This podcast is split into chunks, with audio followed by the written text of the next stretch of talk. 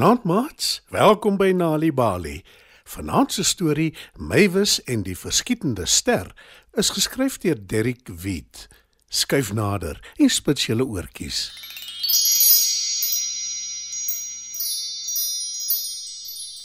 Mywis bly saam met haar pappa en mamma, haar sussie Maud en haar hond Gemma op 'n klein dorpie. Dis 'n heerlike stil aand en Mywis sit buite op hulle huis se stoep en kyk na die sterre. Na ruk begin sy koud kry en sy staan op om in die huis in te gaan.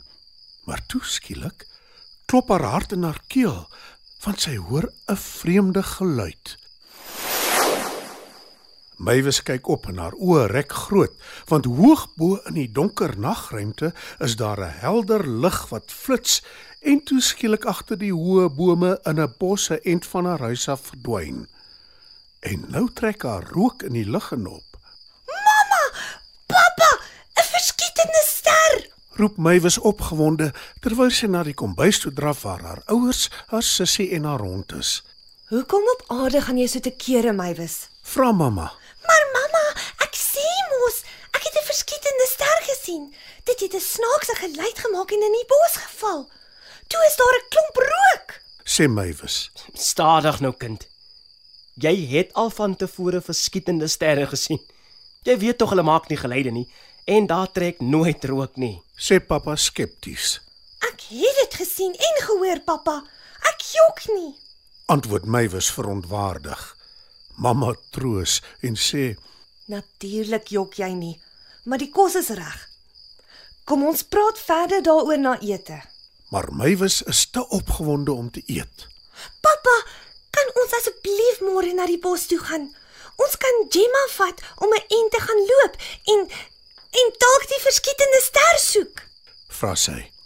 Pappa ken sy dogter. Hy weet sy sal nie ophou om oor die ster te praat en daaroor te dink nie. En môre is Saterdag. Dis stem hy in.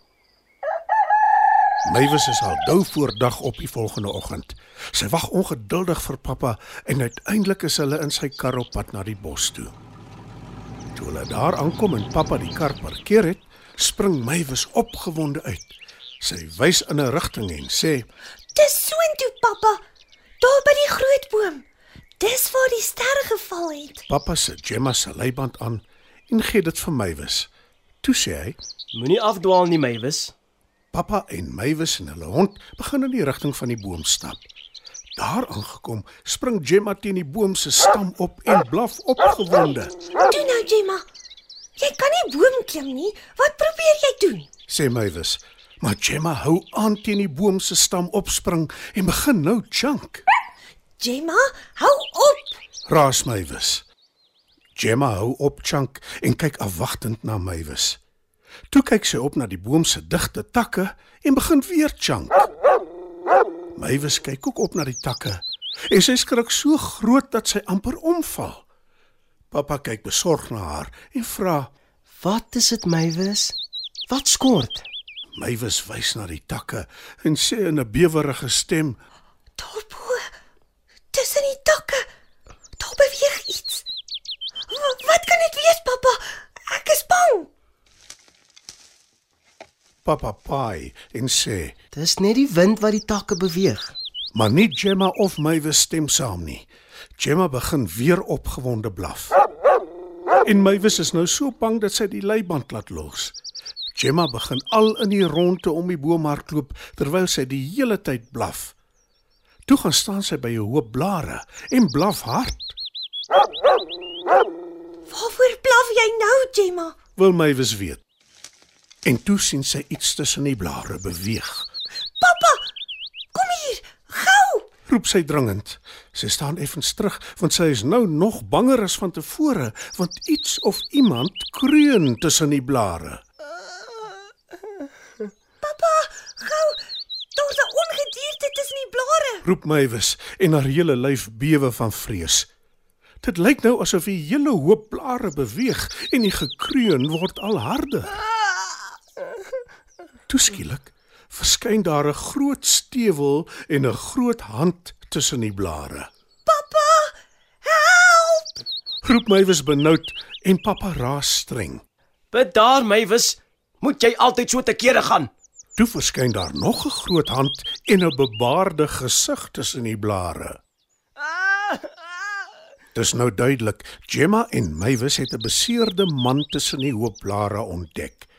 Sy groot stewel lê skeef en pappa weet dadelik daar is groot fout. Wag, moenie beweeg nie. Dit lyk asof jy jou been gebreek het. Bly asseblief kalm en probeer ontspan. Wat is jou naam? Sê pappa, Bert. antwoord die man.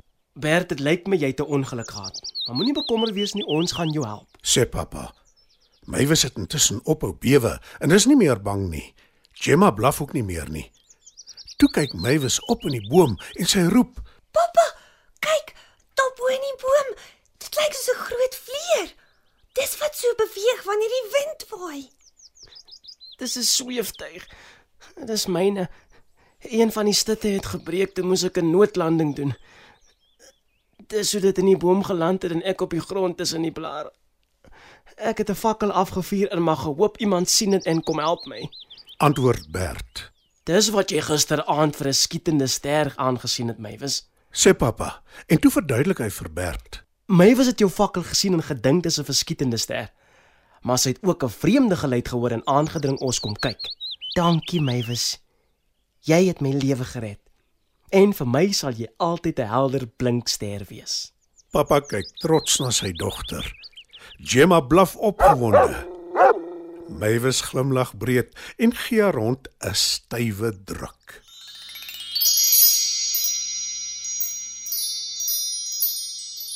Dit was dan nog 'n Nali Bali storie. Mavis en die verskietende ster is geskryf deur Derrick Wheat. Die storie is aangebied deur die Nali Bali leesvergenotveldtog in samewerking met SABC Education. Sjoe, mamma. Ek het nog nooit so baie boeke saamgesien nie. Mag ons enige boek leen waarvan ons hou? Ja, seun. Dis waarvoor openbare biblioteke daar is. En die heel beste van alles is enigiemand mag boeke by die biblioteek leen. Enige volwassene kan 'n kind se liefde vir lees bevorder deur saam met hulle kind of kinders openbare biblioteke te besoek. Vind uit hoe Nali Bali jou kan ondersteun om jou eie boekklub te begin deur die webwerf www.nalibali.org/reading club te besoek. Nali Bali. Dit begin met 'n storie.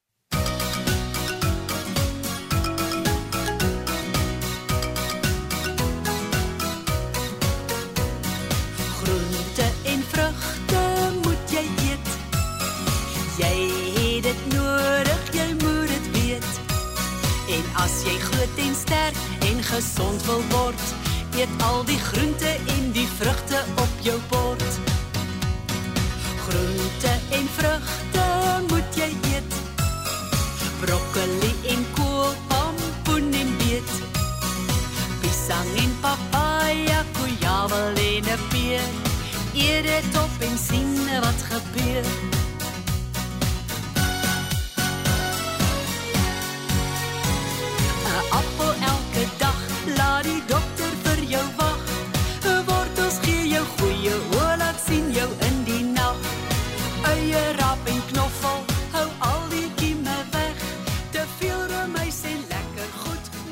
tanden slecht. Vitamine